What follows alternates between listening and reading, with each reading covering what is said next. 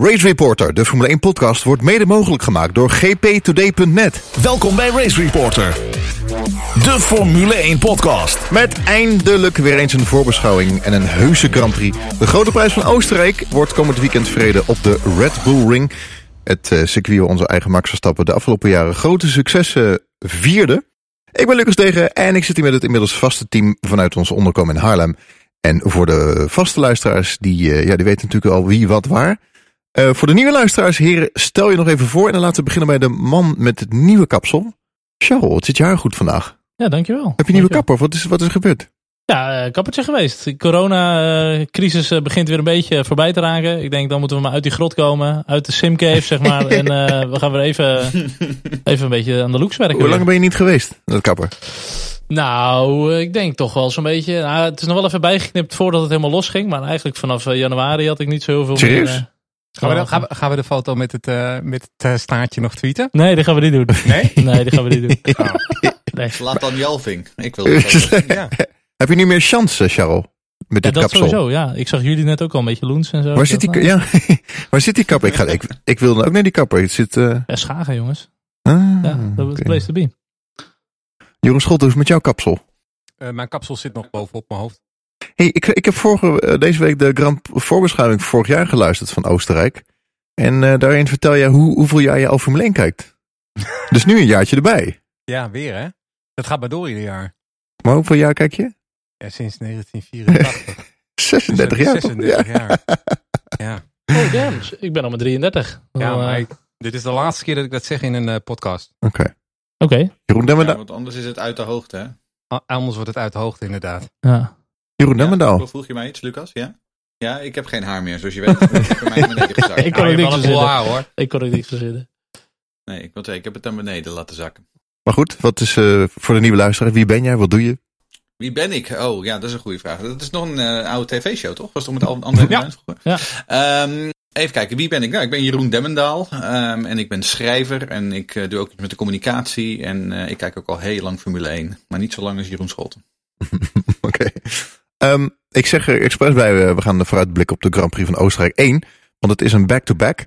-back. hoe, hoe gaan we dat noemen eigenlijk? Oostenrijk GP2? Nee, die andere... De Grand Prix van Steiermark. Ja, heeft een andere naam gekregen, ja. Ik spreek hem niet meer uit, want dat ging vorige keer niet helemaal goed volgens mij. Maar, uh...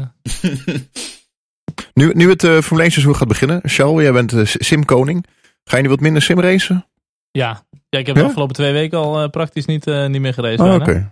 Dat gaat, het wordt rap minder. En we hadden met, uh, met ons groepje van, van coureurs en andere autosportprofessionals, presentatoren, hadden we een leuk clubje.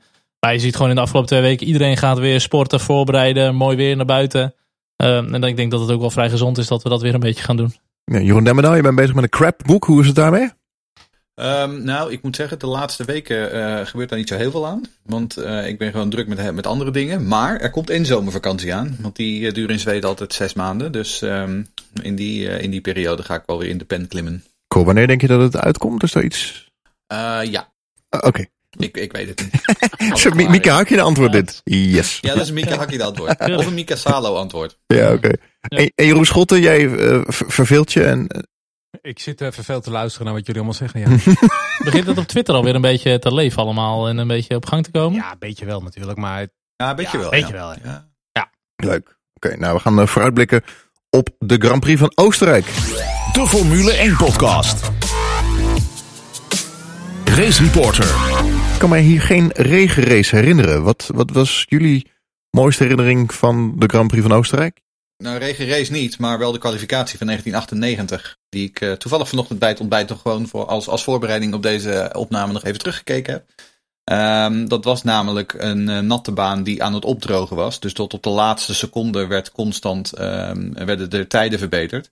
Uh, en toen, daar haalde Giancarlo Fisichella in de Benetton zijn allereerste pole position. En naast hem op de eerste rij stond uh, Jean Alesi in een Sauber. Uh, en Mika Salo stond zesde in een Arrows. Dus dat was een uh, hele, uh, best een spectaculaire kwalificatie. Maar dat is de enige regen die ik me kan herinneren op de A1-ring, zoals het toen nog heette. A1-ring, ja, klopt ja. Je zou toch wel verwachten dat, dat, dat in, de, in, de, in de heuvels van Oostenrijk dat daar wat vaker regen is. Ja, maar het is ook vaak in de zomer. Hè? Heel Sar Live altijd, alles wat er blijft hangen. Leuk, weet nog vorig jaar of twee geleden toen het zo droog was. Dus Hongarije was gewoon heel, dat, dat gras was geel. En Oostenrijk was de enige Grand Prix waar je, je echt eh, groen gras had. Ik ben twee jaar geleden in eh, Oostenrijk Ze geweest. verven het ook, toch? Twee jaar geleden met die Grand Prix van Oostenrijk. Toen was ik er inderdaad. En toen om een uur of acht s'avonds. Toen ging er een partij los daar. Niet normaal. Ja. Maar dat is echt na het weekend. Maar het kan echt wel Ja. heel hard... eh, Nou ja, dit weekend blijft het droog, heb ik eh, begrepen. Ja, Maar het is ook bij de Red Bull Ring is er ook Dietrich Mateschitz die eigenlijk de hele eh, gebied helemaal heeft ge, gelandscaped, zeg maar. Dat de hele omgeving ook super mooi is. Alles heel overzichtelijk. Alle telefoonpalen zijn uit het zicht gehaald en dat soort dingen. Dus het is echt op en top eh, mooi gemaakt, dat circuit.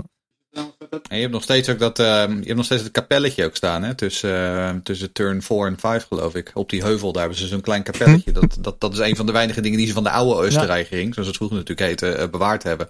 Dat, maar dat levert altijd van die mooie pittoreske plaatjes op, zeg maar. Met zo'n klein Prachtig, kapelletje en dan op de achtergrond een race Ja, ik vind het mooi. Ja, het, is, een- het is een hele mooie Ja? baan qua locatie. Verder qua layout vind ik het een redelijke 13 dozijnbaan, als ik heel eerlijk En maar ben. hoort er wel bij. Gelijk met de oude Oostenrijk. Ik vind hem wel bijzonder toch. Met die hoogte is het toch altijd net even anders. En eh, eh, ik, ik vind gewoon, hij hoort er wel bij een beetje. Wat is jouw favoriet, Jeroen Scholten? Eh, 99.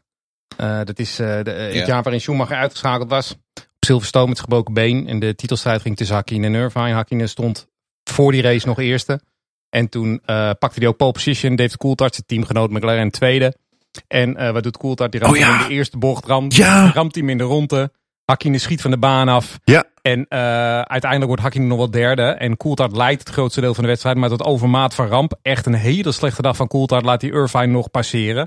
En Ferrari wint. Hmm. Wat een echte goede tweede rijder. Die rost aan Irvine eraf, lijkt Zo, mij. Maar ja. goed, eh, dat deed Coulthard niet. Ook wel een wedstrijd die ons liet zien dat Irvine op zijn dag echt heel goed kon zijn. Want hij reed echt heel sterk. Ja, want hij was volgens Eh, mij... Want hij moest, hij moest toen ook, eh, hij moest toen voor mij best wel wat tijd goed maken Ja. eh, via pitstop, zeg maar. in die hele, in die strategierace. Ehm, dus hij had echt van die momenten. Dit was zo'n moment waar Irvine eigenlijk gewoon echt wel goed In was. de race wel. Dat deed hij niet vaak genoeg. En, in de, nee, en de kwalificatie was zijn nadeel. Want in de kwalificatie was hij die dag, of, of die dag daarvoor een seconde langzamer al. En dat zegt eigenlijk alles. Ja. Hè? Irvine heeft nog nooit van zijn leven een, een pole position getraind. Dus Nee. ja, dan ben je ook geen wereldkampioen waardig. Maar op de afgelopen Grand Prix na, want ik ben een, een net iets andere generatie dan dat jullie zijn, kan ik niet heel veel eh, memorabele Grand Prix eh, verzinnen, zeg maar. 2018 dan Nou, eh, de- en Dan, 2019. dan zal ik even. begin- laten we dan beginnen met 2001. Want in 2001, hè, ik bedoel, kijk, we kennen inmiddels allemaal het eh, concept Wingman voor Bottas. Mhm. Maar Bottas en Mercedes hebben dat niet uitgevonden. Want Ferrari die had dat ook ooit. Toen, die hadden ooit een coureur die heette Michael Schumacher. En toen hadden ze ook nog een coureur die heette Rubens Barrichello. En Rubens Barrichello was de nummer twee. En toen in 2001, toen was Schumacher aan het vechten voor de wereldtitel. En toen moest Barrichello in de laatste ronde, vlak voor start-finish, moest hij Schumacher laten passeren. En dat deed Ja. hij ook. En toen dacht Jean Tot, nou weet je, dat kan ik nog beter. Want dan doe ik het een jaar later, doe ik het gewoon weer. Eh, het probleem was dat toen Schumacher eh, bij de, eh, in 2002 al zo'n straatlengte voorsprong had in het wereldkampioenschap. Wat in 2001 niet het geval was. Dat ehm, nou ja, Ferrari werd bijna unaniem veroordeeld eh, voor het eh, in discrediet brengen van de sport. Ehm, ze kregen overigens eh, een boete van de FIA, niet daarvoor, maar voor het feit dat ze met de, de podiumceremonie hadden lopen klooien. Ehm, omdat Barrichello door Schumacher op de eerste positie werd gezet tijdens het spelen van de volksliederen. Ehm, Wat een nep. ja, die beelden zijn prachtig overigens. Ik, Ja. Die heb ik ook vanochtend nog even teruggekeken. En het, het, het mooiste is nog wel Montoya. Die werd derde in die wedstrijd. En die staat ernaast. en die staat gewoon alleen maar te grijnzen. En een beetje zijn schouders op te halen. En die vindt het geweldig. Eh, maar die, die plaatsvervangende schaamte op het gezicht van Schumacher is echt Gaf Barry- eh, gaf, is, is vrij mooi om te Gaf zien. Schumacher die zegen niet terug in eh, Indianapolis? Daar iets van bij? Wat? Ja, ze gaven later dat jaar gaven ze hem nog een dat aantal. Ja? Geeft hij er nog een aantal terug. Ja, Ja, je hebt hem nog Ehm, teruggekregen, ja. En Schumacher gaf ook het, eh, de schuld aan het team. Hè? Want hij zei van ja, ik wist hier niet van. Dit is eh, een beslissing Ja. die genomen werd door Jean Is wel zwak, hè? Ja, mooi Dat achterverschuilen. is wel een hele zwakke. Ja. Hij weet, hij weet de WK-stand uit een memorabele race hoor, die wedstrijd. Ja, het, mo- mooie, dus het mooie is dat Jean Tot was ook gewoon de camera stond op zijn snuffert. Hij zei, uh, Barrichello, Ja. let Schumacher pass voor de championship. Gewoon de camera dat op zijn snuffert. 2001 dus. Ja, Ja, gaaf. Ja, dat is 2001. Ja. Ja. Ja, mijn persoonlijke is dan 2018, omdat dat eigenlijk mijn eerste Grand Prix was waar ik bij was dat Max hem won, zeg maar. En eh, dat was, ik was er toen heen van Red Bull Nederland. We hadden toen de Red Bull Caravan Race gewonnen bij de Jumbo Race dagen. En toen mochten we van Red Bull Nederland ook nog eh, als winnaar naar die Grand Prix toe. Ja, dat vond ik dan wel weer heel erg vet om dan even de overwin- overwinning van Max eh, mee te pakken daar. Die hadden we niet zomaar eh, zien aankomen. Ja, en 2019 was natuurlijk ook wel gewoon een hele mooie Grand Prix. Omdat Max hem dan voor de tweede keer had gewonnen met die poepstart. En uiteindelijk toch eh, dat gevecht met Leclerc. Ja, dat was wel eh, op zich wel een prima race. Zo, eh. tweede- 2017, toen was ik er dus. Toen, Wat was het toen dan? ging Vertel. in de allereerste bocht werd hier afgerost op Fiat. Ja. En de tweede keer dat ik naar Oostenrijk zou gaan, dat was nu. Ja. mogen er geen fans bij. Ah, eh, dan is er dus op zich wel kans dat hij gaat winnen dan, als jij er niet bij bent. Ik eh, hoop het. Ja. Hockenheim heb je Ja. wel gezien winnen, toch? Hockenheim heb ik hem wel zien winnen. Vor- vorig jaar was die eh, Grand Prix waarbij eh, dus die, eh, dat gevecht met Leclerc. Ik heb het nog eens teruggekeken Ja. en denk ja, eh, waarom ging Leclerc daar niet eh eh, ja, Ja. back off, zeg maar. Ja, er zijn natuurlijk heel veel. eh, de- we, we hebben natuurlijk een paar jaar daarvoor, was in 2016 volgens mij, toen Hamilton won. Dat was een beetje de vergelijkbare situatie. Hamilton Rosberg als Leclerc Verstappen Ja. vorig jaar. Ik vind het wel kunnen, maar het is wel erg op het randje. Ja, vorig jaar was het zo jammer dat je toen zo lang moest wachten op die uitslag. En toen is ook die iconische foto Ja. gemaakt met Verstappen en Leclerc. eh, Ja. Ja, klopt. Ja, maar ik, ik weet dat het Jeroen Demmerdaal eh, vorig jaar in onze podcast had gezegd, van, of Jeroen Schot was, ik weet niet, een van de twee. eh, als daar grind lag of gras, dan had Leclerc nooit meer ingestuurd. Dat vond ik wel een goed punt. Nee, dat is. Grind en gras, we roepen het al eh Ja, grind- ruim een jaar meer grind en gras. Maar dat, dat, is, eh, dat is ook het, het verneukeratieve met die nieuwe banen. Dat het inderdaad overal en ergens moeten maar die lappen asfalt. Dan bo- hoeft hij op de oude Oostenrijkring hoeft hij dat niet te proberen. Want dan ging hij er gewoon snoeihard af. Dat is jammer, het is geen parkeerplaats. Ehm, dus ja, nee, ik ben het daar wel mee eens. ja. Dit was trouwens ook de, de baan waar eh, Stefan Johansson zijn eh, grote crash met het hert had. eh, op, Oh, was het daar? Dat ja, was inderdaad. Ja, ja. 1987. Dat was ook op de Oostenrijkring. Wanneer was trouwens toevallig deze week, vorige week in de podcast van Beyond the Grid? Stefan Jansson, meen Ja, klopt, inderdaad. Ja. Hey, kijk, vooruitkijken naar, naar de Grand Prix van dit weekend. Wat gaat er gebeuren? Het is natuurlijk eh, nou, in de toekomst kijken, maar het is wel de eerste Grand Prix van dit jaar. Eh, gevecht Max Lewis. Dat eh, verwachten de meesten eigenlijk wel, ja. Het is een beetje, als je gaat kijken naar de wintertests in Barcelona, daar kwam het er bij Red Bull nog niet heel erg uit qua snelheid. Toch is er heel veel positiviteit. Ze hebben, ehm, vooral de voorkant van de RB16 is radicaal anders ten opzichte van vorig jaar, smaller geworden. Ze willen die eh, langzamere bochten willen ze wat beter kunnen aanvallen die vorig jaar voor Mercedes waren. Eh, wat ik heel interessant vind, ehm, en daar heb ik toevallig vandaag over gelezen van Automotor en Sport, dat Mercedes wel degelijk het DAS-systeem gaat gebruiken. Eh, hier eh, was er twijfel over. Mark Priestley onder meer, die zei, nou volgens mij gaan ze dat niet gebruiken, want ze gaan het risico niet nemen in zo'n kort seizoen om, eh, om ook nog eh, een race, eh, een disqualificatie of iets te ondergaan. Maar ze gaan het wel gebruiken en het is heel, heel benieuwd. Hoe, het is ook het ideale circuit eigenlijk hè, daarvoor. Want het is drie hele lange rechte stukken waarop je dat goed kan gebruiken. Ja. En bovendien is het een circuit waar bandenslijtage een grote rol speelt. Als je kan herinneren ook hoe Verstappen de laatste jaren ehm, de, de wedstrijden won. Het was een Achilleshiel van, ja, van en dat, dat ja. systeem heeft sowieso eh, op de rechte stukken een klein voordeeltje. Als mede met eh bandenslijtage zou het een voordeel kunnen geven. Absoluut. Dus het kan hier inderdaad wel eh, ja, enkele tienden. En hoeveel dat er dan zijn, twee of vijftienden, dat weet niemand. Kan het schelen. En wat gaat Helmoet Marco dan doen? Ja, waarschijnlijk gaat hij klagen, want dat doet hij altijd. Dat sowieso. Ja, dat denk ik ook. Ja, Ja. dat denk ik ook. Water is nat, lucht is blauw, blauw en, en Red Bull dient de klacht in. Eens? Nou, wat ik vooral eh, wil weten is in hoeverre Mercedes de koelingproblemen hebben opgelost. Want eh, we gaan natuurlijk wel gewoon naar Oostenrijk toe, waar ze de afgelopen jaren eh, iedere keer eh, die problemen kregen. Ehm, we zitten er ook in eh, midden juli, dus het, eh, als het een beetje tegen zit, is het gewoon een bloedje heet. Ehm, dus dat ben, daar ben ik wel benieuwd naar, hoe ze dat op gaan lossen. Ehm, maar als ze dat oplossen, ja, dan denk ik wel dat Hamilton er gewoon gaat staan, ja. Hoewel het niet zijn circuit is, hè? Slechts twee poles, één zegen. Lewis Hamilton. Zes, eh, Ja. zes optredens Maar- volgens mij.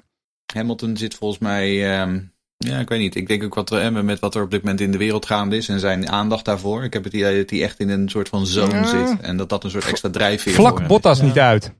Let op. Nee, geen, Oh, geen lach. sorry. Bottas op, in Oostenrijk Dit, is dit goed. is ook zijn kans in principe. Hè? En dan twee keer Oostenrijk. Maar ik denk wel dat Ferrari de aansluiting eh, misschien niet helemaal gaat vinden. En ik denk ook wel dat Mercedes er nog steeds wel voor staat.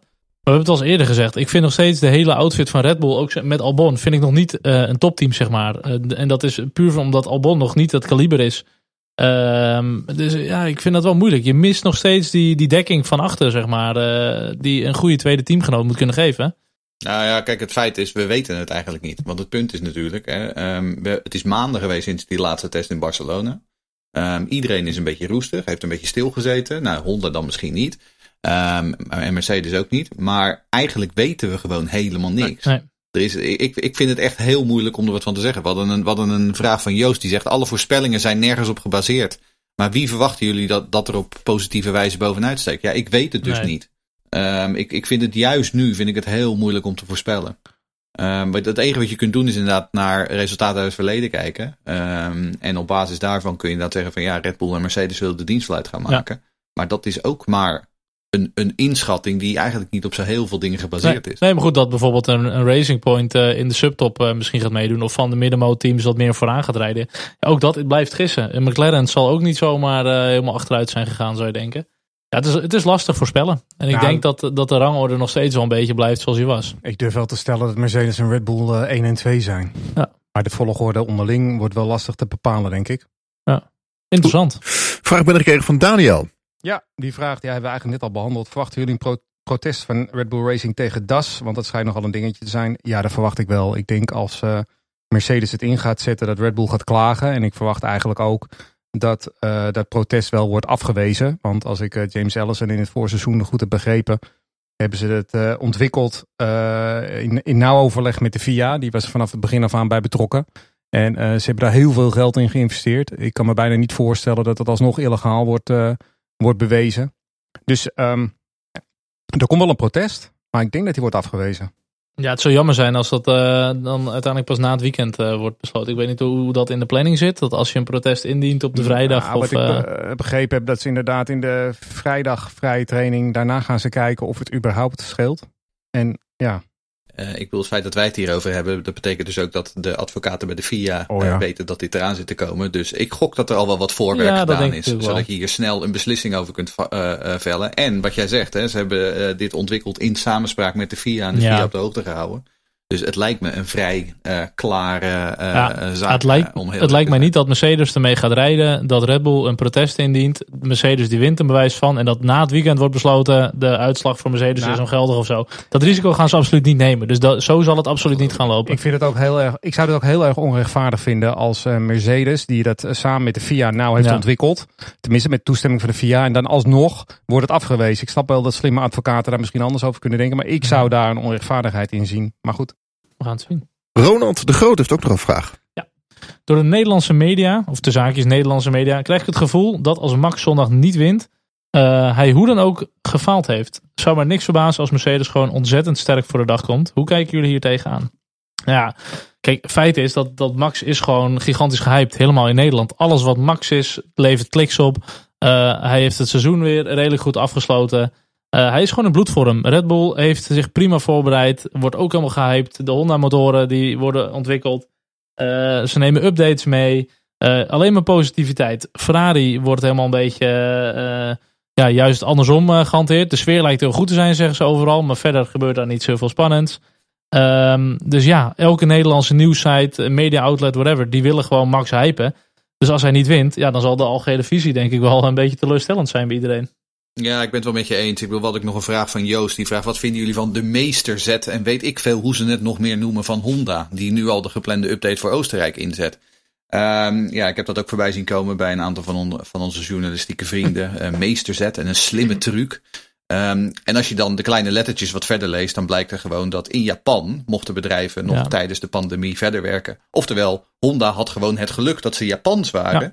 Ehm, en dat is geen skill, dat is gewoon geluk bij een ongeluk. Als ze Koreaans waren geweest, dan had dit niet gekund. Dus dat is, Ja, weet je, het, het is een beetje de boel op, op eh, Ja. het is clickbait van Nederlandse journalisten die graag Max Verstappen fans klikjes willen hebben. Maar het, eh, verder zet het weinig zo. het had ook andersom kunnen zijn. Dat Japan in, in total lockdown was en dat in Europa niet heel veel was gebeurd. En dan, Ja, eh, dan hadden ze zwaar benadeeld geweest. Maar Want Ferrari heeft wel pech gehad nu, bij wijze van spreken. Omdat ze in juist in Noord-Italië zo veel die zullen er niet beter van zijn geworden. Het feit is dat Mercedes blijft het team to beat. Voor mij. Dat doen ze de afgelopen eh, jaren doen ze dat als een, als een dolle. Vorig jaar, eh, wat is het, de eerste acht races toen gewonnen. Eh, Ja. Ja. nou, niet noodzakelijkerwijs in Oostenrijk hè? nee, nee, maar het blijft wel het team to beat. Het is, het is gewoon eh, de, de regerend wereldkampioen en meervoudig. Ja, dat is toch de, de benchmark, zeg maar. Ja, en, en Bottas won de eerste race met 25 seconden voorsprong vorig jaar. Dus kijk, kun je nagaan en, en, en zie hoe dat uitgepakt. Marco Post die vraagt eh, over de nog roestige coureurs die in VT1 de baan afstuiteren. Eh 6, 10 of allemaal? Een beetje een moeilijke vraag, maar ik eh, geloof dat hij bedoelt hoeveel zullen er van afstuiteren. Nou, ik denk, in de, Ja, hij doet over-under. Wordt het er meer of, meer Oh, of minder zo dan 6, meer of minder dan nou, 10? ik denk inderdaad dat, die er wel, dat er wel een hoop van af zullen stuiteren. Ja, want het is inderdaad een beetje roestig. En vooral ook de auto's zijn vrij onbekend. Hè. Ze hebben in principe sinds Barcelona er niet meer mee gereden begin maart. Dus uh, ik denk dat we inderdaad wel een hele leuke vrije training uh, te zien krijgen. Zeker omdat de weersvoorspellingen voor vrijdag niet juf van het zijn. Precies om 11 uur en precies om 3 uur gaat het regenen, geloof ik. Ja, nee, Monique Boormans die vraagt ook naar welk deel van het raceweekend kijken jullie het meeste uit. En dan niet de race zelf. Nou, dat is dus inderdaad ja. die eerste ja. vrije training. Uh, Lekker zitten. Dat is, exact, dat is exact die eerste vrije training. Um, want ten eerste is het het feit dat we voor het eerst gewoon weer Formule 1 auto's op een racebaan gaan zien. En dat ik mijn tv aanzet en dat ik live Formule 1 auto's op een racebaan ja, zie. Uh, maar ook wat, wat, wat, jij net noemt, uh, waarschijnlijk slecht weer. En dan inderdaad iedereen uh, moet gewoon met, met de teentjes in het water. Ja. En, en maar, maar uitproberen. Ja, ik vind het leuk. Nieuwe auto's, nieuwe setups, coureurs die weer helemaal vastgeroest zijn. Baan waar een tijdje niet is geweest. Alle ingrediënten zijn op zich wel aanwezig om de druk erop te zetten dat je heel snel op tempo moet komen. Heel snel data binnenhalen. Heel snel met die setup verder gaan ontwikkelen. Aanvoelen of je in de goede richting zit. Ja, ze willen gewoon heel veel mileage maken. En uh, ook wel heel snel richting die limiet gaan. Maar ik denk dat het wel leuke vrije trainingen kunnen worden. Kijk er echt naar uit. Aanstaande vrijdag. De eerste Grand Prix van 2020. Dan, we hebben het al over Ferrari gehad. Uh, problemen in Maranello. Ferrari komt naar Oostenrijk met de Barcelona spec. Update pas in race 3. Ja, dat is wel opvallend. Dat ze, dat ze gaan beginnen aan het seizoen met dezelfde auto die ze in Barcelona hadden. Nagenoeg dezelfde auto. Althans, dat zegt uh, Matteo Binotto zelf. Ze hadden blijkbaar een hele uh, ontwikkelingsfilosofie ontwikkeld voor de SF1000 die uh, niet werkte. En die niet de resultaten gaf tijdens de test die ze graag wilden. Daarmee zouden ze hun doelen niet kunnen behalen. Dus dat hebben ze nu helemaal omgegooid. En er komt nu een hele nieuwe ontwikkelings uh, filosofie, een hele ontwikkelingsroute. En de, in Hongarije komen ze voor het eerst met een uh, flinke update. Als het goed is, hopen ze. Uh, aan de motor is ook niks veranderd. Al met al moet ik heel eerlijk zeggen, als je dan ook nog eens kijkt naar de matige testtijden die ze hadden, verwacht ik toch echt dat zij in de problemen gaan komen met teams als Racing Point en, en misschien zelfs ook wel Renault. Renault? Ja, dan wordt er allemaal weer zelf gekeken. als je gewoon teruggaat naar Barcelona, heeft Renault heeft gewoon hele goede longruns gereden voor hun doen.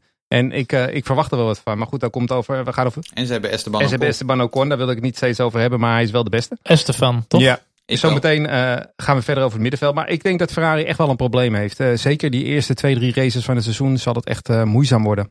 Ja, nou Egbert die vraagt ook, is Ferrari verbaal aan het sandbaggen of zijn ze echt zo slecht als ze het doen voorkomen? Um, nou, ik, ik, denk niet dat Ferrari de kunst van het sandbaggen beheerst. No way. Um, Ferrari, nee. kan, Ferrari kan, kan sowieso geen PR. Dat kunnen ze gewoon nee. niet. Uh, het is altijd een soort georganiseerde chaos daar. Um, dus als Binotto inderdaad nu gewoon uh, ruiterlijk toegeeft dat, er, uh, dat ze denken dat ze een achterstand hebben, dan geloof ik daar absoluut ja, in. Ja, en sowieso. Um, en nogmaals, het, wat ik eerder al zei, het is niet zo vreemd, want juist Noord-Italië, waar zij zitten, dat is zo zwaar getroffen door, die corona, ja. um, door de coronavirus dat zij hebben echt alles helemaal dicht moeten gooien. En hebben gewoon echt niks kunnen doen. Dus uh, weet je, ja, absoluut. Ik denk zeker dat ze een En sowieso vind ik dat geen zendback. Als je zendbackt, dan zeg je niet dat je geen updates meebrengt. Want nee. die, die ziet de media ziet meteen bij uh, vrije training 1 op het moment dat je doek eraf gooit, zien ja. ze die updates al. Ja. Dus dat is geen zendbacken. Nee, persoonlijk denk ik dat dit, uh, vind ik dit niet zo'n probleem. Als je dan kijkt puur naar Max en de performance van Red Bull. Uh, als jij dan direct het tweede team al bent achter Mercedes. Ja, dan is het voor, uh, voor degene met de oranje bril is het altijd wel prima natuurlijk. Eh, dat ligt eraan hoe ver je erachter zit. Nee, als, zeker. Als, maar ik moet eerlijk zeggen, als Max er een, een, een 4, 5 tiende achter zit uh, op kwalificatie zaterdag, dan zou me dat heel zwaar tegenvallen. Maar zelfs dat zou niks zeggen. Als je de race pace van Red Bull ziet en bandenmanagement en zo. Kwalificatie ah, is gewoon niet het sterkste punt van, van Red Bull. Nee, nee, maar dat is nou... Ja, als Max nou echt wereldkampioen wordt, dan moet hij juist in de kwalificatie moet hij zich verbeteren. Dan moet hij Honda mm. nu echt extra power gaan geven. Want dat is juist... Die race pace was al goed. De ja. race skills van Verstappen zijn goed. Ja, zeker, en de tactiek is goed. De strategie is goed. De pitstops zijn de beste van allemaal. Tja. Als Max echt wereldkampioen wil worden, moet het op zaterdag beter. Hij moet die eerste, tweede, derde plek maximaal. Daar moet hij Eigenlijk ja. in 90% van alle races moet hij vanaf de eerste drie start, uh, startplekken komen. Ja, en juist in zo'n kort seizoen, ja, denk ik met kleine voorbereiding, is gewoon betrouwbaarheid heel belangrijk. Gewoon die races uitrijden en gewoon, stel je bent het tweede team, als je altijd gewoon podium pakt en je staat er altijd en je kan wat van wat fouten profiteren. Ja, ik denk dat betrouwbaarheid en uitrijden ook wel heel belangrijk gaat worden dit seizoen. Absoluut. Oh, terug, even terug naar Ferrari. Vettel versus Leclerc. Ja, wordt dat een soap dit jaar of gaan ze vriendjes blijven? Nou, ik denk dat het wel een zoop wordt, ja. Ja, ja ik, verwacht, ik, verwacht eigenlijk niet, want ik las ergens dat iemand had gedacht dat Vettel wel uh, rustig gaat blijven. Maar ik kan me dat gewoon totaal niet voorstellen. Vettel in een auto, we weten allemaal, die, die luistert niet naar uh, teamopdrachten. We weten Multi, Multi 21, ja. we weten het vorig jaar uh, in Sochi was het volgens mij. Dat gaat hij niet naar luisteren. En als je dan nu die situatie ziet met hem eh, zonder contract, eh, de, eigenlijk aan de kant gezet door Ferrari. Ja, die gaat echt nog wel, het gaat echt nog wel donderen daar. Ja, en ik denk toch gewoon dat hij klop gaat krijgen van Leclerc. Dus Dat ook. Dat, hele probleem sowieso ver- eh, verdwijnt, omdat ik denk dat ze niet zo heel dicht bij elkaar op de baan Ik vind Vettel sowieso niet meer die felle coureur die hij ooit kon zijn. Dus ik vind hem sowieso Nee, een beetje ik- exact, ingedampt. dat Dat, ik is- denk misschien, het, het lijkt alsof hij het niet eens meer erg vindt op een gegeven moment of zo. Dat hij denkt, Voor mij heb ik dit al Ja, eerder, klopt. nee, ik heb Ja. het al eerder gezegd. De Vettel van Red Bull bestaat Nee. niet meer. Die is, die is echt verdwenen. En dat vond ik altijd de toffe Vettel. Maar de Vettel eh, anno nu, ja, dat is toch gewoon een beetje een gezapige familieman ja, geworden. je wilt toch gewoon de, de Multi-21 wil je gewoon hebben. Die Vettel moet je hebben. Ja, die wil ik Ja. terug hebben, ja. Die, die, de Vettel die over lijken Ja. ging, die wil ik terug hebben. Maar die is echt Long weg. gone. We, gaan, eh, we hadden het net al over het middenveld. Ehm, wordt Racing Point het Mercedes van het middenveld? Racing Point, ja. Of ook wel Gambia Waterput Racing. eh, zoals dat eh, sinds deze week heet. Ehm, ja, nee, het valt voor de kindertjes in Gambia wel heel erg te hopen dat eh, Racing Point het goed doet. Want anders krijgen ze geen vers water, hebben we begrepen deze week. Ehm, ja, ik, de- ik heb wel ver- vertrouwen in Racing Point, eerlijk gezegd. Omdat ze in feite hebben gedaan wat Haas een paar jaar terug ook deed met de Ferrari ehm, Ja. eh, eh. Namelijk gewoon in feite gewoon een, een, een goede kwalitatieve auto kopiëren. Voor zover dat kon. Ehm, en dan heb je ook de motor, zeg maar. Dus ook aan de, aan de binnenkant zou het allemaal redelijk ehm, gestroomlijnd moeten zijn. En ze hebben met eh, Sergio Perez eh, gewoon een coureur die op zijn beste dag echt heel, heel Ja. goed is. Dus ja, ik heb wel, eh, ik heb wel vertrouwen in, in Racing Point, ja. En, en ook deze jongens zagen er in Barcelona toch wel, wel redelijk positief uit. Zeker. Ja, ik heb, nogmaals, ik heb vertrouwen in Renault.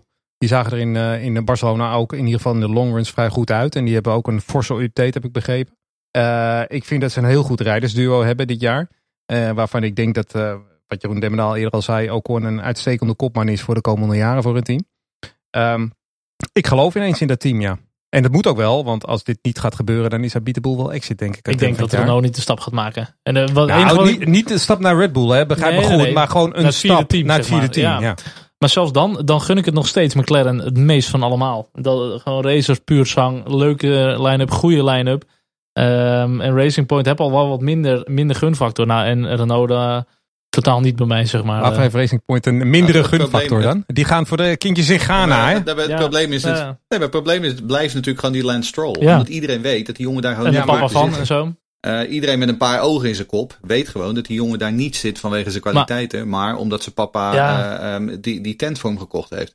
Dus ik ben, ik ben het met Charles Lane. Qua gunfactor, ja, ik vind Racing Point heel sympathiek. eh, en Checo eh, eh, heb ik altijd tijd voor. Ja. Maar die Stroll, ik, ik, ik, word er niet, ik word er niet warm of Maar zelfs in Checo, dan heb ik toch veel liever Norris of zelfs Sainz. Dat ik denk, daar zit, dat is toch weer wat jongere generatie, zit wat meer pit in. Sainz is wel een beetje. Sainz is wel een Ja, beetje. Checo vind ik nou ook niet echt een heel frisse, leuke, hippe coureur of zo. Het is een prima, solide gast. Hij is heel snel. Maar dan, dit is geen kleurrijk persoon of zo, Nee, maar- vind ik.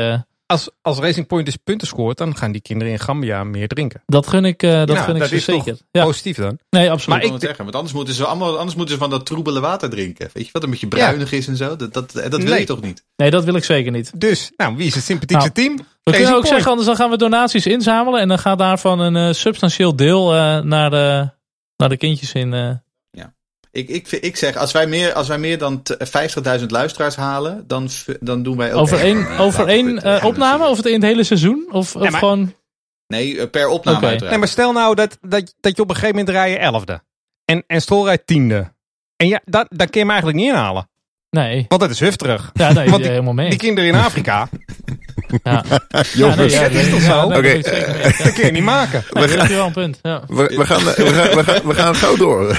Race Reporter, de Formule 1 podcast. Goed, McLaren kennen wij natuurlijk van het Formule 1 team, maar ze hebben ook straatauto's. En dat weten niet veel mensen, maar het gaat eh, niet zo heel goed met McLaren. En de vraag is, zijn ze in of uit de problemen? Ja, het is niet zo zwart-wit, denk ik. Ze hebben een gigantische lening kunnen afsluiten bij de National Bank of Bahrain.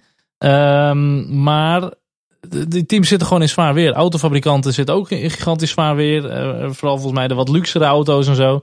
Ehm, ja, ik weet het niet. Voor mij de, partij waarbij ze hebben geleend, dat is dan weer eh, deels eigendom van eh, de Bahreinse staatsinvesteringsfonds of zo. Dus het is allemaal een beetje vestzak, broekzak en een beetje geld schuiven om ze wat meer geld te hebben voor de cashflow. Maar het feit is gewoon dat de hele eh, COVID-19 situatie en het feit dat ze niet racen, ehm, dat dat wel echt gigantisch veel invloed heeft. Dus ja, voor nu zijn ze uit de problemen. En ik denk dat ze eh, het ook niet zo keihard hoeven terug te betalen wellicht. Ehm, maar goed, de andere optie die ze hiervoor hadden, dat was eh, de, de fabriek volgens mij deels als onderpand en allemaal historische auto's en zo.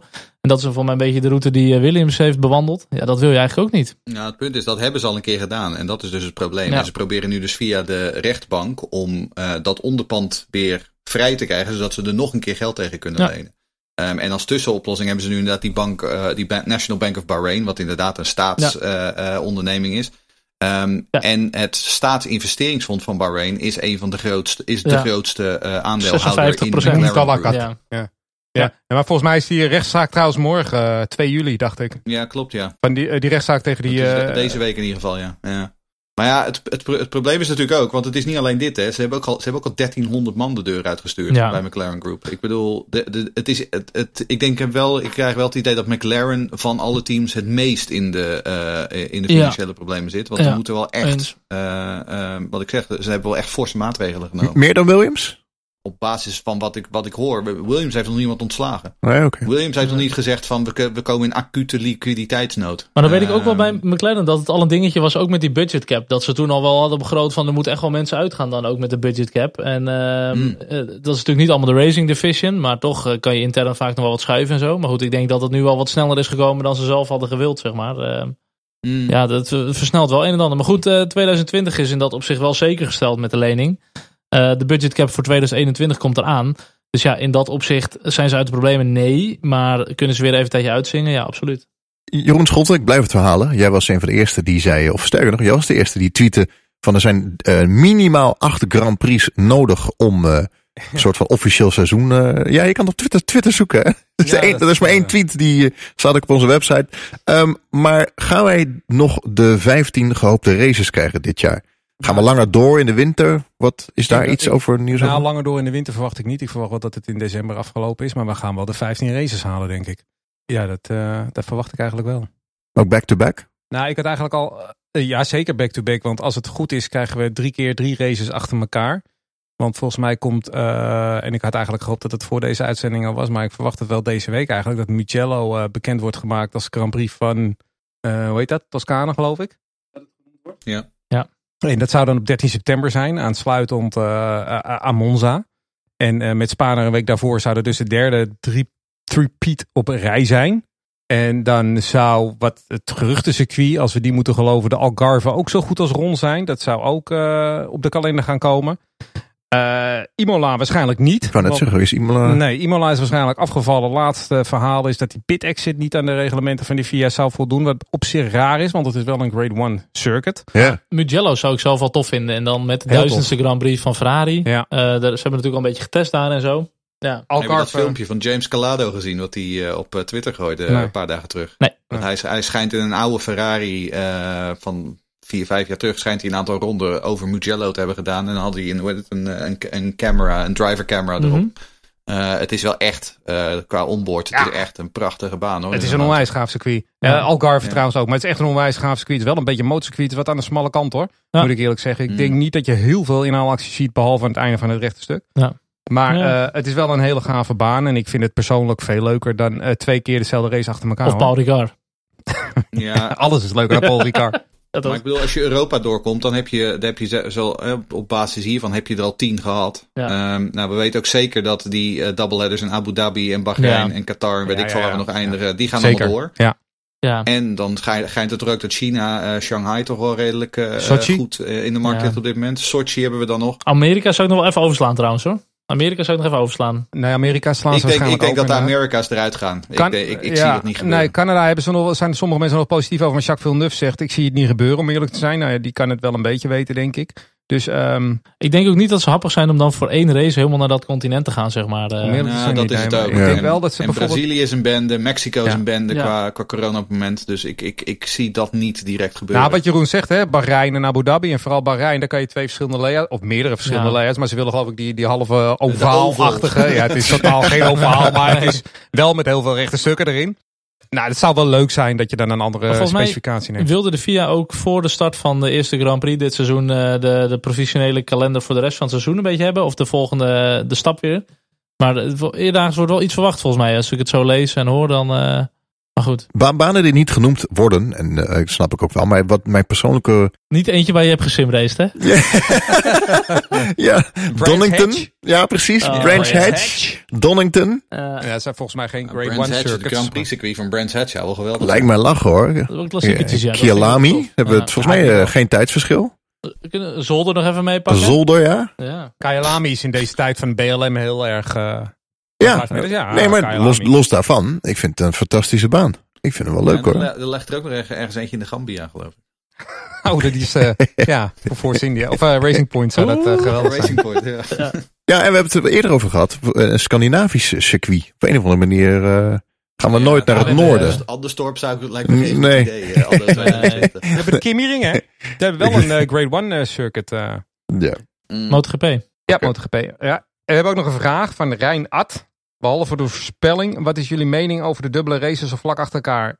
Een beetje dubbel of niet? Ja, een beetje dubbel is dat. Dat is inderdaad heel erg dubbel. Oh, Lucas. Nou, ik vind aan de ene kant, ik snap, ik snap de argumenten en ik ben blij dat we gewoon even twee keer eh, Oostenrijk en twee keer Silverstone doen. Maar het is, dit heeft niet mijn voorkeur.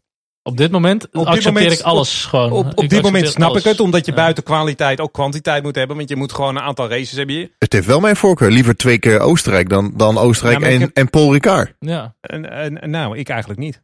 Nee, ik niet. Ik wil, ik, wil ook, ik wil ook gewoon de variatie hebben. Ja. Maar ehm, weet je, eh, Ja, dit oké. is een, een kwestie die je moet wegen tegen de huidige omstandigheden. Ja. En dan moet je gewoon gebruik Precies. maken. Hè? Roeien met de riemen die je hebt. En eh, op dit moment hebben we gewoon heel veel Oostenrijkring en heel veel eh, Silverstone. Ik snap eigenlijk niet waarom we niet nog een keer op de Hungaro-ring gaan rijden. Eh, dat had ik nog wel leuk Ja, of toch gewoon Paul Ricard. Wat was het? Je hebt 167 verschillende layouts. Dan kan je gewoon Ja. 10 jaar lang kan je Ja, racen of bijna gewoon. Ja. Of Manicour. waarom niet terug naar Manicour? Ja, Ja, prima baan. mooie koer, gaaf hoor. Eh, Een stukje Le Mans kunnen Daar hebben we mooie races gezien. Zeg, met Villeneuve in 97 die een paaltje omver ramde. is de laatste, laatste, laatste bocht. En eh, vandaag was het zoveel jaar geleden op hetzelfde circuit dat eh, Christian Albers een, eh, een tankinstallatie meenam. Was ook een manicour. ja. Hij nam ook Ja. echt mee het circuit op. Never forget. Never forget. Schumacher die, eh, Schumacher die Senna eh, eraf ramde in die eh, herpin. Ja. In zijn eerste jaar. Gave races gezien hoor hier. Of wel meer, ik bedoel Manjecour. Ja, Ja, Ja, absoluut. absoluut. maar goed. Misschien dat ze luisteren daar in Frankrijk. Nürburgring. Ik mis trouwens even één ding in het draaiboek, jongens. Bedenk ik me net. Wat is dat? En dat is. Sergej Sirotkin. Dat is Ja. groot nieuws, jongens. Blijft de Ja, reservecoureur vond bij Renault. Vond ik echt geweldig. Ja, ik, dat echt, zeggen, eh, ik, ik ben toen meteen hier naar de bakker gelopen om een taart te kopen. Toen. Ja. Ik heb er echt weken naar uitgekeken. ja, ik vond het spannend hoor. Ah, ik lag er wakker van. Ik, ik lag er echt wakker Ja, van. Van ik- gaat Sirotkin nou doen? wel of niet? Ja. In 2017 kwam hij daar toen. 2018 niet. Nou, vond ik echt een dramatisch jaar. 2019 toch weer wel. 2020 ja, maar ik vind ook gewoon reserve rijden. Dat is echt een sleutelpositie binnen een team. Dat is echt zo belangrijk. Dat is wel net iets hoger dan een development driver. En daar hebben Renault er ook vaak heel veel van. Ja. Alleen er komt heel Ja, weinig uit. Williams voor er ook heel veel van, eh, begrijp ik. Die hebben ook Ja. heel veel development driver. Ja. Maar goed, die wilde ik nog even ingooien. Ik dacht, huppatee. Even, is Goeie. Mooi. Dankjewel, Ja. Charles. Nee, tuurlijk. Eh, ik, ik, ik, ik- prima bijdrage zo aan de podcast. Goed, dan gaan we, mogen we, gaan we verder met het draaiboek. Ja, tuurlijk. Dit is Race Reporter, de Formule 1 podcast. En deze podcast wordt mede mogelijk gemaakt door een aantal fans van ons. Onder andere Remco Zoon, dankjewel voor jouw donatie. Eddie heeft gedoneerd, super bedankt. Chris, Niels en Karin, onze vaste donateurs, die hebben gedoneerd via Petje Af. Ga voor meer informatie naar f1podcast.nl slash support. En help ons deze zomer door. We hebben ook nog een aantal eenmalige donaties binnengekregen van Erwin, F1 Collector, Mart van Ammers, dankjewel. ZZ Zandbergen. Met eh, e-mailadres Haaienpak. Dankjewel voor jouw donatie. En Femme Haakma. Super bedankt voor jouw donatie. Allemaal iedereen eh, die gedoneerd heeft. Super bedankt. Wil je ook doneren dus? Ga naar f1podcast.nl slash support. Race Reporter, de Formule 1 podcast. Racereporter.nl Formule 2 en Formule 3 die gaan ook van start dit weekend. Ja. Dat is toch leuk? Gewoon weer eh, de feeder series. Dat hoort erbij. Ik bedoel, ik, ik, bedoel ik, ik kijk graag naar de Formule 1. Maar ik vind de Formule 2 en... eh, Formule 3 haal ik niet altijd. Maar de Formule 2 kijk ik eigenlijk ook wel altijd. Daar heb ik wel echt zin in. Eh, je krijgt nu ook die nieuwe auto's met die, met die, grote, die grote, grotere wielen ook. Dus eh, ze zien er ook gewoon echt eh Ja. strak Nou, uit. en, dingen. en, de, en de motoren maken soms nog meer, meer geluid dan de Formule 1 eh, motoren. Weet ik Ja. nog. En voor mij had ook eh, Ja. Red Bull had zich ook wel hard gemaakt dat die Formule 2 en Formule 3 ook gingen rijden. Die wilden ook graag dat die, die junior eh, rijders eh, wat, wat tracktime gingen hebben en zo. Dus ehm, ja, spannend. Ik vind het wel weer leuk dat het gaat beginnen. Ik denk wel dat, eh, veld ook trouwens hoor, Formule 2. ja, ik denk wel dat de Formule 2 wel een beetje voorspelbaar gaat worden. Eh, qua wie er een Want? beetje vooraan gaat rijden. Ja, het zijn toch vaak wel een beetje je? dezelfde team. Dezelfde types. Vind ik helemaal niet juist. Ik kan het echt, ik kan het echt moeilijk inschatten hoor, dit jaar. Nou, Prema gaat het echt wel goed doen, denk ik, met Zwartman. eh, Armstrong. En Ja, dat denk ik ook wel. Virtuosi zit er ook wel bij. Je hebt Maar ook nog Jules, je hebt ook nog Schumacher, je hebt ook nog Lundgaard, je hebt die twee Carlin jongens. Ik Ja. bedoel, ik, ik, ik, kan niet zo 1, 2, 3 zeggen van, oh, die gaan het wel even winnen. Ja, je hebt wel seizoenen gehad dat je gewoon wist eh, van Doorn, die gaat gewoon kampioen worden. Dat wist je van tevoren. Ja, maar vergeleken met vorig jaar. Ja, toen we nee, dat is allemaal wel zaten waar. te denken van, eh, Nee, waar, waar, zit, eh, ehm, eh, waar zitten nou echt de talenten tussen? Ik bedoel, dit jaar barst het van de talenten. De helft van het veld ze, eh, zijn, is echt interessant. In, zelfs in de Formule 2 weet je gewoon wel wat de goede teams zijn en de minder goede teams. En die hebben dan wel eens een gelukje met eh, reverse grid en zo en de gekke races. Ja. Maar op zich weet je wel welke al een beetje de frontrunners gaan worden. En dat is nog wel Ja, redelijk dat breed. is wel zo. Maar goed, normaal gesproken zou Dams bijvoorbeeld, hè, zou altijd Ja. een, fro- een frontrunner zijn. Maar die hebben nu Jean Gilel aangenomen. Nee, dat bedoel ik. Dus dan weet je al maar- eigenlijk dat die niet heel erg mee gaan doen. in Nee, dat exact. En Dan tikt hem. Nou, Ja. waar ben je ermee? In principe zou, in principe zou eh, Mick Schumacher, als hij echt volgend jaar naar Alfa Romeo wordt, die wil, moet Hij dit moet. jaar dan wel hele hoge ogen gooien. Want eh, Formule Ja. 2 is ook heel erg van het banden sparen. Nou, Schwarzman en Armstrong Ja. zijn grotere talenten, maar die moeten dat allemaal nog een beetje leren. Dus ik vind op zich, eh, Schumacher zou het moeten doen. Maar ook de Formule 3 vind ik interessant hoor, want daar wordt even overheen gepraat. Maar ik vind, daar, Nee, nee, met Dennis, Nee, nee, wij niet hoor. We Dennis- waren gewoon nog bij de Formule 2. Ja, we en we hebben gewoon Yuzu nog niet even genoemd. ben ik zo snel dan? Ja. Ja, ja, Ja. rustig, rustig. Oh. Ja. Nou, dan heb ik niks gezegd. Maar Zoom moeten we ook niet vergeten. Zullen we nog iets gaan zeggen over de Formule 3? Gewoon Yuzu. Zo- Ik denk dat Zoo namelijk een grote kans, wordt, eh, eh, kans hebben wordt voor de titel. Ja, Virtuosi is gewoon een, een, eh, in, in dat opzicht wel een topteam. Eh, en misschien niet zo duidelijk als Dams of ART, maar, ehm, of Prema. Maar er zit er zit de laatste jaren wel gewoon goed bij. Ja. Ja. Gaat zien. nou, Formule 3 nog even kom op, doen Jeroen. Ja, Formule 3. Hoppakee. Jack Doohan. Hou hem in de gaten, hè? Zoon ja. van. Nee, Zoon van mijn grote vroegere held. Eh, eh, twee Nederlanders, Richard Verschoor Ja, en, eh, en Ben Ben Fiscaal zit er natuurlijk. Ja. Maar eh, de, de grootste talenten zijn misschien wel Dennis Hauger en eh, Floers? Theo Sophia Porcher. Vloers. Wat zeg je? Sophia Vloers. Oh ja. Sofia. De Campos. Porcher vind ik heel goed. Ja, Pocher, Lawson, de Ha- andere Lawson, bekende namen. Matteo Nannini, de zoon van Alessandro. Nee, neefje toch? Is dat de zoon? Enzo Fittipaldi. Is toch een neef? Volgens mij is Matteo, Matteo was toch de zoon van? Ik dacht dat het een neefje was, moet ik eerlijk zeggen. Maar Nou, Enzo Fittipaldi is een, is een, is een neef van, weet ik. Maar Even een leek Ja. voor de leeks. Eh, verschil tussen Formule 2 en Formule 3. Formule 2 gaat harder. en Formule 3 gaat langzamer. Nee, dat, snap- dat, dat, Ja. dat snap ik. Maar kijk, je had vroeger de Formule, du- Formule eh, 3000 geloof ik. De GP2 had je. Formule 3000 is Formule Ja, 2. Dat is eh, de oude GP2, oude Formule 2. Ja. Ja, ja, Ja? Formule 3, Formule 2, Formule 1 is het in principe. Dat is wel weer de volgende. Ja, David Schumacher zit ook in de Formule 3 trouwens. Schumacher, ja. David, ja, ja, het zoon van Ralf. En vergeet Sofia niet. Sofia doet ook mee dit jaar. Sofia Fleurs. Ja, Ja, zeker. Die, een heel Sofia. seizoen meedoen. Daar ben ik ook wel benieuwd naar hoe die zich eh, staande gaat houden. Ja, maar goed, de, de Formule 3 is gewoon een simpelere versie. Minder vermogen, minder opties. eh, voor mij geen Ja. DRS, dat soort dingetjes. Het is even wat Nee. simpel. Het is gewoon qua race veel meer recht toe, recht aan. Ehm, Maar qua banden, et cetera, eh, is het wel gewoon de ladder naar de Formule 1. Veel dezelfde teams ook, hè. ART heb je gewoon een Prema en MP Motorsport Ja. en alles. Wanneer, eh, wanneer kan je dat kijken en waar? Bij Ziggo? Bij Ziggo. En Ziggo dat, eh, Sport, ik weet niet precies de tijden, maar dit is gewoon eh, vrijdag, zaterdag, zondag eh, gaat het van start. Ja, Ja. meestal zaterdag na de kwalificatie heb je de eerste F2 race. En dan heb je zondagochtend heb je vaak nog een, een tweede Ja. race. Volgens mij hebben ze vrijdag kwalificeren, toch, dacht ik? Ja, vrijdag is Ja. kwalificeren. ja. Te- één training, kwalificeren. Zaterdag dan eh, race na de kwalificatie. Race één, zondagochtend? ja. Zondagochtend begint met Porsche Supercup, Formule 3, Formule 2. En dan uiteindelijk de race eh, Formule 1. Oftewel, gewoon van vrijdag tot en met zondag. Autosport kijken. ja. We hebben wat in te halen. Hè? Dus Volgens mij was er ook nog IndyCar, maar dat weet ik niet zeker. DTM gaat ook weer beginnen. De Indianapolis Road Course. Ehm, ja, Rinus VK rijdt eh, zaterdagavond vanaf 6 uur op de Indianapolis Motor Speedway. En dan niet op de oval, maar op de road course. Waar we ook ooit met de Formule 1 reden. Of in ieder geval op een versie daarvan. Ehm, dus ja, dat is de tweede race van het IndyCar seizoen. Dus eh, het wordt een vol, eh, een vol autosportweekend. Hoe verwacht je dat hij het gaat doen? Road Course wel meer zijn dingen, toch? Of niet? Veel lastiger dan in Texas zal het niet worden. Want in Texas had hij gewoon een, een, ja, gewoon een slechte generale. Ik denk dat hij het hier wel goed doet. Hij, normaal gesproken eh, komt hij hier redelijk voor de dag. Dat was eh, in de voorbije jaren ook zo. Eh, het is wel een baan die niet zo heel moeilijk is. Dus iedereen ehm, zit heel snel aan de limiet. Dus weet je, het- als je twee tienden mist, sta je opeens 18 op de grid, zeg maar. Ehm, maar ik, wil- hij moet hem gaan uitrijden en dan maar kijken waar het, eh, waar het schip strandt. Ehm, dat is uitrijden. Dat is het enige wat voor hem telt. Het is wel leuk om even mee te pakken nog zaterdagavond. Absoluut. Zeker, zou ik doen. En dan even een plug natuurlijk dan ook te horen in de podcast, de IndyCar podcast, waar Jeroen Demmendaal aan meewerkte. Yes. Green, Ja, green, leuk, green. Race Reporter, de Formule 1 podcast. Nog eh, wat luisteraarsvragen binnengekregen, onder andere van Lars. Eh, Lars die vraagt, bij onder andere het Spaanse voetbal worden opnames gebruikt van publiek om toch wat sfeer te geven aan de kijkers thuis. Denken jullie dat ze dit bij de F1 ook gaan of zouden moeten doen als ze bijvoorbeeld langs tribunes rijden of wanneer een coureur van de baan vliegt? Nou, ik weet wel dat de Formule 1 is bezig geweest met, eh, ehm, hoe heet het ook weer, trackside fans of zoiets. En dan kon je een filmpje insturen van eh 8 seconden. Misschien kan het nog steeds trouwens. En dan gaan ze dat laten zien op de social media, maar ook met, eh, met de GCI volgens mij naast de baan. Zoals die sponsordingen wel eens doen. Dat je dan eh, in een bocht zie je dan een fan juichen of zoiets op de grond geprojecteerd, digitaal zeg maar.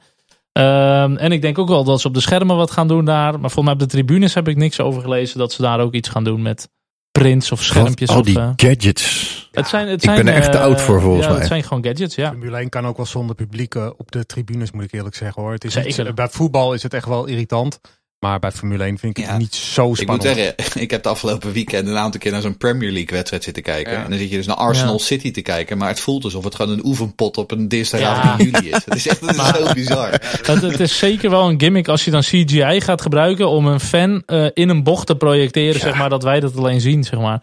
Voor mij is de eerste test die de Formule 1 ooit heb gedaan, was toen op, eh, in, in Amerika was het toen, met die, met die adelaar volgens mij, die toen over, zag je die schaduw eh, in bocht 1 Ja, zag dat je toen gaan. overvloog toen. Ja. Bij Kota, ja. dat iedereen ineens dacht, wat is dit jongen? Maar bij Formule 1 heb je sowieso nauwelijks gejuich op de achtergrond. Dat hoor je nooit zo.